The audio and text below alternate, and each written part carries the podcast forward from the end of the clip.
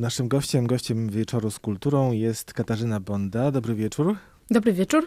Słyszymy się przez łącze radiowe. W studiu Polskiego Radia jest Katarzyna Bonda, natomiast ja oczywiście we Wrocławiu. Chciałbym na początek zacytować pewien fragment twojego wyznania facebookowego. Ten rok był dla mnie przełomowy. Zdarzyło się tyle, co wcześniej przez dekadę.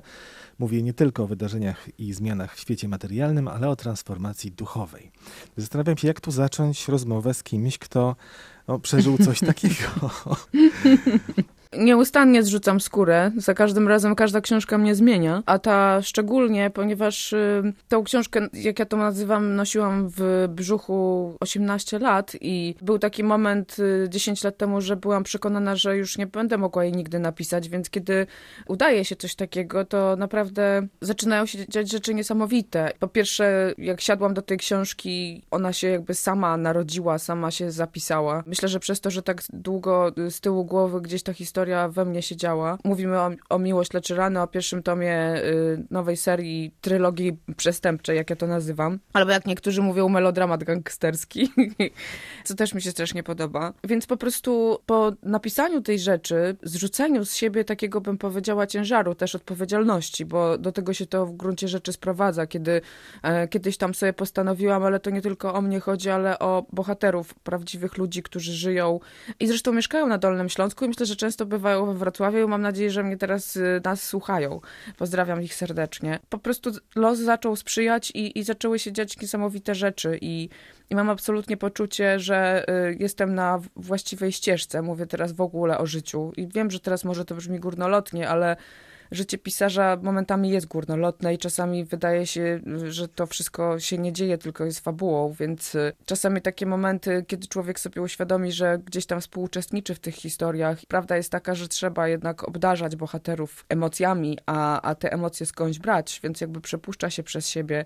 No, więc to wszystko musiało mnie zmienić i, i to było niesamowite dla mnie. O tych emocjach, o duchowości, o bohaterach za chwilę jeszcze porozmawiamy dość mocno. Rzeczywiście rozmawiamy o tej najnowszej książce. Ja muszę przyznać, że ta książka była dla mnie ogromnym zaskoczeniem, bo kiedy widzieliśmy się ostatni raz e, kilkanaście miesięcy temu bodajże, to nie puściłeś pary z ust, że coś takiego piszesz. Pojechałam do Srebrnej Góry i, i na Dolny Śląsk y, na spotkanie z moimi protoplastami później, więc ja sama nie wiedziałam, że ją napiszę. No to było absolutnie niesamowite, bo ja, ja po prostu ta zmiana, o której napisałam u siebie na stronie, też dotyczy tego, że zmieniły mi się priorytety. Zaczęłam inaczej patrzeć na rzeczywistość oczywiście ja sobie też tak żartuję, że może to wynik jest y, wieku, że po prostu w pewnym momencie człowiek zaczyna inaczej myśleć, że zaczyna lepiej składać te wszystkie klocki i widzieć rzeczy bardziej, no widzieć rzeczy holistycznie, bo po prostu los zaczął sam sprzyjać temu, żebym mogła tą książkę napisać. Bohaterowie sami się do mnie zgłosili, zaprosili mnie do siebie i po spotkaniu z nimi, gdzie nie jechałam wcale, żeby zbierać materiał, tylko żeby się z nimi spotkać, dotknąć ich i żeby poczuć po prostu tą energię znowu po latach. Jak wracałam, to po prostu wiedziałam, że muszę ją napisać, a a biorąc pod uwagę wszystkie różne przygody, które miałam wcześniej podczas pracy nad tym materiałem, to nikomu nic nie powiedziałam, więc nie gniewaj się, że tobie też nie powiedziałam, bo nikomu nie powiedziałam, nikt nie wiedział, co ja robię.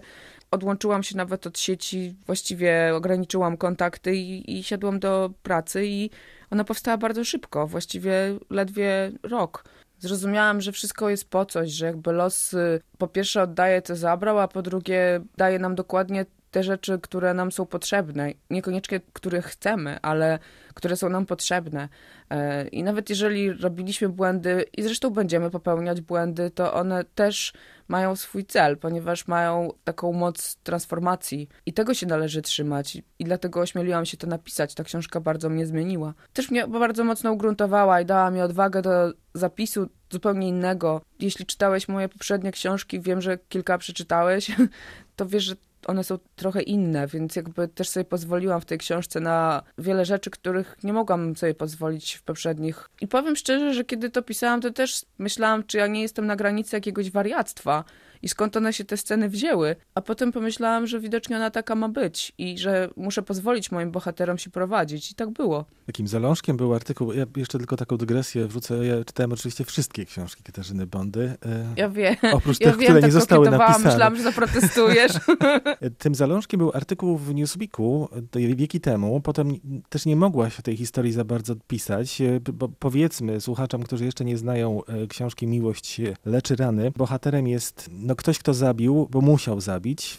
Potem przyjechał do Polski, tutaj oddał się w ręce władz. Ten proces był głośny na Dolnym Śląsku także, także w Radiu Wrocław robiliśmy reportaże na ten temat i w końcu został ułaskawiony. A teraz można już o tym powieściowym e, Kereju, czyli tym e, naszym polskim, dolnośląskim Unkasie pisać bez obaw? Ja się już przestałam bać. To znaczy ja po prostu też e, wybrałam taką formułę. Mm, głównym motorem fabularnym w tej książce jest wątek melodramatyczny, czyli główna bohaterka, bo jest dwójka bohaterów, kobieta, w tym przypadku Tośka. Mm, oczywiście mówimy tutaj, ja na przykład widzę teraz Anię Gałek, czyli żonę Unkasa, po prostu zawalczyła o niego i wspólnymi siłami jakby pokonali tą całą machinę też, e, bym powiedziała, prawną, można tak powiedzieć. Ale też jakby uratowała go przed zemstą e, plemienną, która naprawdę została, ten wyrok śmierci plemienny został również na niego wydany. Nie chcę zresztą też opowiadać więcej, bo jest to jeden z ważniejszych najważniejszych elementów książki. To też jest bardzo ważne, co Grzesiu podniosłeś, że ja miałam z tym problem, ponieważ historia była znana i jak można zapisać w opowieść, jakby wznieść się na poziom meta w momencie, kiedy wszystkie te dane już zostały kiedyś ujawnione, prawda? Powieść operuje zupełnie innymi narzędziami. Ma się odnosić do emocji, ma uruchamiać emocje, żeby to dotykało nas na takim poziomie, bo każdy z nas myślę, że doświadczył miłości, a jeśli nie doświadczył, to jest bardzo biednym człowiekiem i myślę, że o tym marzy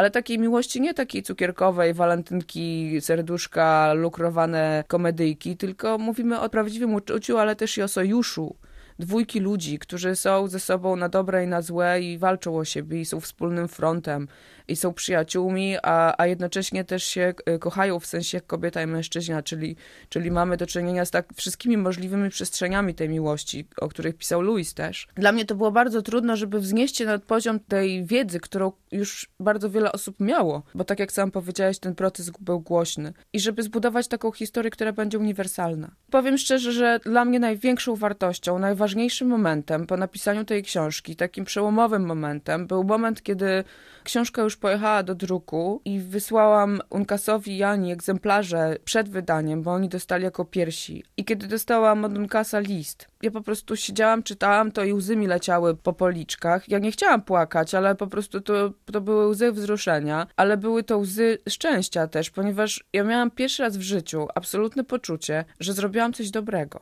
Myślę, że takie poczucie mają y, duchowni, właśnie szamani, ludzie, którzy pracują w fundacjach, działają na rzecz innych. Kiedy twoja praca sprawia, że ktoś czuje się uwolniony od jakiegoś ciężaru, jak to Unkas napisał, bo napisał też list publiczny, który można przeczytać na mojej stronie. I on pisze o tym bardzo wyraźnie i pisze też, że ta książka była dla niego z jednej strony grzebaniem w ranach i przypominaniem sobie tego wszystkiego, a z drugiej strony jest rehabilitacją, na którą on czekał bardzo wiele lat. Napisał też niesamowite rzeczy. Napisał, że on właściwie nie wie, skąd ja wydziałam niektóre fakty, a ja ich nie wiedziałam. Na przykład nie było ich w aktach, nie było, nie było nigdzie, że sam się zgłosił było w tym coś niesamowitego i naprawdę magicznego. A to też nie było tak, że ja chciałam zrobić im laurkę. Taka historia zdarza się raz na 100 lat w rzeczywistości. Jakby każdy pisarz czeka na taką opowieść. Część akcji dzieje się w Polsce, w Ząbkowicach Śląskich, też we Wrocławiu. Część w Kazachstanie, mamy też okolice Świdnicy. Ja chciałbym zapytać, bo oczywiście o te procedury prawne nie ma sensu ciebie pytać, bo doskonale je znasz. Natomiast e, ta kwerenda kulturowa, zwłaszcza wierzenia, przesądy, rytuały, które są wzięte z tej części kazachskiej. Jak one dotarły do ciebie? Byłaś w Kazachstanie? Jeździłaś, e, poruszałaś się tamtymi ścieżkami? Byłam w Kazachstanie miesiąc, to było 10 lat temu. Decyzję o tym, żeby zaprzestać pracy nad tą książką podjęłam po powrocie z Kazachstanu i wtedy rzeczywiście byłam w bardzo wielu miejscach, które tam opisuję. W tym miejscu, gdzie Dimash i Tusip spotykają dziadka z wielbłądami i oczywiście byłam i w Almaty, i w Uralsku, i, i w różnych innych miejscach i byłam też na bazarze Zielona Krysza i tak dalej. Ale tak naprawdę taka lokacyjna dokumentacja to dobrze, że ona była jakiś czas temu, ponieważ to, co co najważniejsze, to co dzisiaj uważam za najważniejsze, i to znowu jest, myślę, kwestia tego, że już piszę książki jakiś czas, że po prostu na inne rzeczy się patrzy i na zupełnie innego poziomu jakby obserwuje się świat. Inne rzeczy są dla mnie teraz ważne, jakby lokacja jest takim, tak jak mapa. Natomiast to, co najważniejsze, to była y, taka kwerenda, no i właśnie nie wiem, jak to powiedzieć. Wiesz, to do tej książki zabezpieczyłam e, w sumie 181 pozycji. Jak potem je składałam do pudeł, bo jak wiesz, mam taki rytuał, że po skończeniu pracy zbieram wszystkie materiały, akta, dokumenty, zapiski, notatki, całą tą makulaturę, całą tą masę z, z nienawiścią wrzucam do kartonów i zaklejam je taśmą. I to samo e, dzieje się z książkami. Część z nich e, trafia na półki, a część z nich się pozbywam, bo po prostu bym chyba zarosła tym wszystkim. I jak je policzyłam, bo musiałam je policzyć, to było ich 181. Czytałam bardzo dużo, byłem w Związku Radzieckim, bo musiałam jakoś mniej więcej, wiedziałam, że nie mogę zarzucić czytelnika tymi danymi, ale jednocześnie musiałam się dowiedzieć, skąd się wziął ten Kazachstan, jak wygląda ta kultura. Więc czytałam takie rzeczy niesamowite z różnych dziedzin. Oczywiście też i o szamanizmie, i o plemionach, i Złotej Ordzie. To, co było dla mnie najcenniejsze, to na pewno e, spotkanie z prawdziwą szamanką. To było niesamowite, ponieważ e, ona zaczęła mówić po kazachsku, a moja tłumaczka nie rozumiała tego języka, oni tam głównie rozmawiają po rosyjsku. A ja z nią rozmawiałam. Ja mówiłam do niej po polsku, ona do mnie mówiła po swojemu. Potem przeszłyśmy w końcu na ten rosyjski. Wtedy mi powiedziała bardzo wiele rzeczy niesamowitych i zaprosiła mnie do jurty. I dopiero wtedy tam pokazała mi rytuał. Ten rytuał z płucem, który miałeś okazję przeczytać, widziałam to. No było to dosyć dla mnie porażające. Rozmawiałam też z ludźmi z Ośrodka Studiów Wschodnich. Niesamowicie bardzo dziękuję panom wszystkim, którzy zaangażowali się, pomagali mi zrozumieć ten kraj. Rozmawiałam też z byłym e, ambasadorem, z byłym konsulem, z panem Władysławem Sokołowskim, znawcą Kazachstanu, którego pozdrawiam z tego miejsca mnóstwo, mnóstwo ludzi. Kiedy Unkas i Ania przeczytali tą książkę, on powiedział, że ja bardzo dobrze to rozumiem. Po powiedział coś mi bardzo miłego, że jestem dzieckiem stepu. no to było takie piękne. Nie byłabyś sobą, gdyby te historie dotyczące pary głównych bohaterów, e, inspirowanych postaciami prawdziwymi, jak już wiemy doskonale, nie zostały opakowane w biografię wielu innych postaci. Te książki twoje zawsze są e, w sensie takim ludzkim, ale nie tylko ludzkim, polifoniczne bardzo i polipostaciowe. Oczywiście nie wszystkie są prawdziwe, ale chciałbym tak no, takie trzy strzały. Na przykład y, bardzo ładna postać Wiera, tancerka z teatru muzycznego. Gwiazda tego teatru. Może nie długi jest jej żywot w książce, ale piękny. Bo to... spoilerujemy, Grzesiu. Odrobinkę. Tutaj, no ale dobra. No, prawdziwa czy nie? Czy wymyślona przez ciebie? Nie, fikcyjna. A pan Roman, biznesmen z Dolnego Śląska? Pan Romeo jest zlepkiem wielu przyjaciół, którzy pomagali Unkasowi. Natomiast nie jest y, jedną postacią, tylko jest y, wieloma postaciami. Nie mogłam ich wszystkich, że tak powiem, opisać, bo i tak mówisz mi, y, że to jest polifoniczne. Wiem o tym. Natomiast zdecydowanie zdecydowałam się, że stworzę taką postać, kogoś takiego jak w serialu Czarnobyl, nie wiem czy oglądałeś, oglądałeś, jest ta postać tej białoruskiej pani naukowiec, która pomaga głównemu bohaterowi. Jakby ona też jest połączona z bardzo wielu osób, które wspierały go w tym, żeby jakby doprowadzić y, do ujawnienia tego dramatu, tak, tej tragedii, katastrofy. Tak tutaj Romeo jest taką postacią dokładnie zlepkiem takich różnych osób. Myślę, że lepiej by było zapytać Junkasa i Janie, jak oni to widzą. Ja sobie to tak wyobrażałam, nie wiem, czy wiesz, ale ja się spotkałam z nimi wcześniej tylko raz. Właśnie to są tacy ludzie, którzy bardzo wiele nie mówią. To mnie najbardziej fascynowało. Znaczy, to jest też typowe dla ludzi wschodu, zwłaszcza mówię teraz o Onkasie, co bardzo szanuję, cenię. Jakby on bardzo wielu rzeczy nie mówi po to, żeby chronić. Żeby chronić swoją rodzinę, żeby chronić swoją Anię, żeby chronić swoją godność. O wielu rzeczach nie mówi, dlatego że nie uważa, że musi się tłumaczyć, tak? Jakby my, Europejczycy, za dużo gadamy, a ja już szczególnie cały czas gadam. Jeszcze jedną postać zapytam, bo też jest piękna, tak w sensie filmowym, bo to jest bardzo filmowa książka, właściwie gotowa. Poprzednie twoje książki czasem być może nie są łatwe w takim prostym przetłumaczeniu na język e, filmu, bo właśnie tam się strasznie dużo dzieje. To ta książka jest, e, myślę, że absolutnie czytelna właśnie w tym sensie filmowym. Tu nie trzeba wiele grzebać. Auges na przykład. To jest twoja wyobraźnia? No, to też jest postacią fikcyjną, mhm. całkowicie tak. Znaczy wiesz co, to jest niesamowite, że akurat wskazujesz te postaci, które same do mnie przyszły, tak? Jakby nie było ich w tej historii prawdziwej. Ja uznałam, że są konieczne, tak? Jakby do, do tego, żeby tą historię opowiedzieć i jak wiesz, ja jestem osobą bardzo twardo stąpającą po ziemi. E, Jestem empirystką, wierzę w Lwico- twarde dane, lwicą wierzę, biznesu wierzę w dowody. Mhm. No, zostałam lwicą biznesu, stary, wiesz, więc jakby... A tutaj musiałam pisać o rzeczach magicznych, mistycznych, o duchowości, o szamanizmie. Są bohaterowie, którzy są uwięzieni w, w ciałach zwierząt.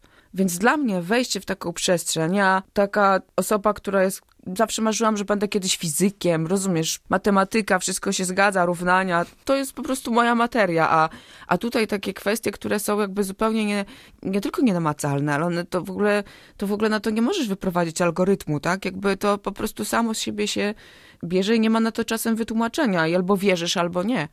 A jednocześnie zrobiłam sobie pułapkę, ponieważ nadałam temu tomowi tytuł Wiara. I wiedziałam, że muszę to dźwignąć. W związku z tym dla mnie przekroczenie tej bariery materii było coś niesamowitego. Nawet nie zdajesz sobie sprawy, jak ja chodziłam, klełam, przeklinałam, jak w ogóle...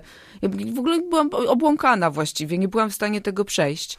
A potem, kiedy, kiedy przeszłam, nagle samo zaczęło to się pojawiać i zaczęły właśnie te postacie wszystkie do mnie przychodzić, włącznie z Jamą, August, z Isą, wszystkimi elementami telekinezy i tak dalej, więc y, nie wiem, czy teraz czytelnicy w ogóle sięgną po tą książkę, ale nie bójcie się państwo, są tam też strzelaniny i, i, i bandyci. No Jest to gangsterski romans, jak powiedziała Katarzyna Bonda. Kasia, a drugi tom ukaże się w 2020 roku. Wiemy już, że to będzie trylogia, bo powiedziałaś. Kolejne tomy mają swoje tytuły. Miłość czyni dobre, miłość pokonuje śmierć. Wiara, nadzieja, miłość to są ich takie nadtytuły. To co, jak to będzie? 2020? Staram się, ale wątpię. A czy możesz powiedzieć, co w nich będzie? To też będą prawdziwe historie? Pomysł jest taki, że każda z y, opowieści ma głównego bohatera przestępcę. W pierwszym tomie Wiara był morderca. Nie mogę powiedzieć, jaki typ przestępcy będzie w kolejnych y, tomach, natomiast to nie będą wszystko mordercy, ale może będą, nie wiem. Na pewno różne kryminalne elementy będą. Zawsze baza będzie z prawdziwego zdarzenia, czyli kolejna część, na którą teraz się biedzę i wyciągnąłeś mnie z mojej jaskini i po prostu jestem taka trochę nieskoordynowana, bo siedzę, mam taką schizofrenię, ponieważ opowiadam o książce Wiara, którą już zamknęłam właściwie, a jednocześnie teraz się biedzę z tym drugim tomem Nadzieja i tak cały czas się szczypię w język, żeby nie powiedzieć czegoś za dużo, bo jestem na etapie takim, e, no, jeszcze dużego chaosu, jeśli chodzi o drugi tom. Pomysł jest taki, żeby w każdej z tych opowieści też e, była ta miłość nieszczęsna, jak to ja mówię, dlatego, że jest to dla mnie bardzo trudne do zapisu. Myślę, że specjalnie sobie to wzięłam na garb, ale wzięłam sobie to dlatego, że każdy najbardziej, nawet największy niegodziwiec chce kochać i być kochany. Ja po prostu najzwyczajniej w świecie wierzę w to, że każdy z tych ludzi, nawet którzy zapełniają więzienia, albo ci, którzy są nie, jeszcze niezłapani, większość z nich tak naprawdę albo nie doświadczyła miłości. Oczywiście doświadczyło zakochania, doświadczyło jakichś krótkich fascynacji, albo wydawało im się, że są zakochani i tak dalej. Ale takiej miłości, czyli w kontekście dobra, bardzo często nie doświadczyli. A kiedy doświadczają, mogą się zmienić. Więc jakby ja nie chciałabym tutaj być zrozumiana, że ja ich wszystkich rehabilituję, czy że wierzę w taką resocjalizację, bo niektórzy już się nie, nie nadają do tego, bo już za daleko zaszli, by zawracać. Ale jednocześnie są takie postaci z, mm, z tego kręgu, które mają szansę. Więc każdy z tych tomów y, trylogii przestępczej głównym bohaterem będzie przestępca i będzie y, ktoś, kogo ta osoba kocha, bądź y, odwrotnie. To też jest tak, że ten eksperyment z tą serią wziął się z tego, że ja chciałam sobie zrobić przerwę od śledczych. Pisarze lubią płodozmian, to znaczy jakby czyścisz w ten sposób system, a jednocześnie też pracujesz. Jest to bardzo trudne wyzwanie, ale nic to dobra nie rodzi się z komfortu, ja w to wierzę. Więc jakby przekroczenie tego jest wejściem na taką górę i, i, i spojrzeniem na system, który się wypracowało z góry. W związku z tym już o śledczych wiedziałam e, sporo. Nie chciałam, żeby to mnie znudziło, bo, bo to nie jest tak, że ja nie wrócę do Mejera. E, zresztą obiecałam czytelnikom kolejny tom i, i jak tylko skończę trylogię przestępczą, to się za to biorę. Spojrzenie na drugą stronę mocy, czyli na tego człowieka, który, którego zwykle śledczy ściga, który zwykle jest tym cieniem i postawienie go w, na samym środku sceny i włączenie na niego reflektorów na początku było bardzo trudne, dlatego że nie, nie chciałabym, żeby to zabrzmiało jakoś bałwochwalczo, ale rzeczywiście, kiedy piszesz kryminał I choćby to był nawet y, taki rodzaj opowieści, jaki ja uprawiam, że to jest niezbyt podobne do ortodoksyjnego kryminału poza wątkami odkrycia y, zwłoki i śledztwem i intrygą, to jednak kiedy masz trupa i puszczasz tego śledczego jak psa gończego, to potem już naprawdę pisarz odpoczywa. Może sobie po prostu właściwie pójść na lody i, i, i wrócić, bo, bo fabuła sama żre. A zbudowanie, kompozycja, intryga od drugiej strony, kiedy wiesz wszystko, jak to jedna z czytelniczek napisała, bardzo mi się to podobało i to było takie urocze i pozdrawiam tą panią, napisała mi, że książka zaczyna się od strzelaniny i wiesz kto zabił, a potem jest tylko ciekawiej to jest dla mnie największy komplement. I to jest dla mnie też bardzo budujące, że polski czytelnik naprawdę jest niezwykle otwarty na y, nowości. Wcale nie jest tak, że, że chce tylko podobnych historii jak, y, jak kanapek z, z, z fast fooda. E, chociaż ja lubię oczywiście bardzo czasem zjeść hamburgera, nie widzę problemu, natomiast robić je całe życie bym nie chciała. Naprawdę jest to dla mnie budujące, że czytelnicy nie tylko bardzo dobrze przyjęli tą książkę, ale jeszcze na dodatek te książki mają tytuły takie, wiesz, Miłość leczy rany. No tak. Miłość czyni dobrym. Judith Y, Krantz. Miłość pokonuje śmierć trzeci. Więc jakby, ja kiedy mój wydawca, pozdrawiam mojego wydawcę, usłyszał, że ja zamierzam takie tytuły nadać moim nowym książkom, to oni po prostu chyba tam, no, posiwieli wszyscy, więc jakby potem, kiedy książka, bo książka natychmiast właściwie weszła na topki i bardzo długo się utrzymywała na pierwszych miejscach, no, albo na górze, no bo potem oczywiście na, e, Olga Tokarczuk dostała Nobla i już nie mieliśmy szans, ale nawet ci, którzy byli na początku sceptyczni, potem pisali do mnie, w życiu tyle listów nie dostałam od czytelników, to jest po prostu niesamowite. Ja wtedy poczułam, że warto być pisarzem. Ja nie potrzebuję żadnych nagród, żadnych, wiesz, tam lwic, znaczy nie, bardzo się cieszę, lubię szkło trzymać w szafce, ale, ale to są dla mnie najważniejsze momenty, kiedy ludzie mi piszą, że w jakiś sposób wpłynęła ona na ich decyzję, albo dała im nadzieję, albo dała im siłę, albo poruszyła, albo znowu przywróciła im wiarę, co też często się zdarzało w tych listach i mogłabym powiedzieć, że nie wiem dlaczego tak jest, ale ja wiem.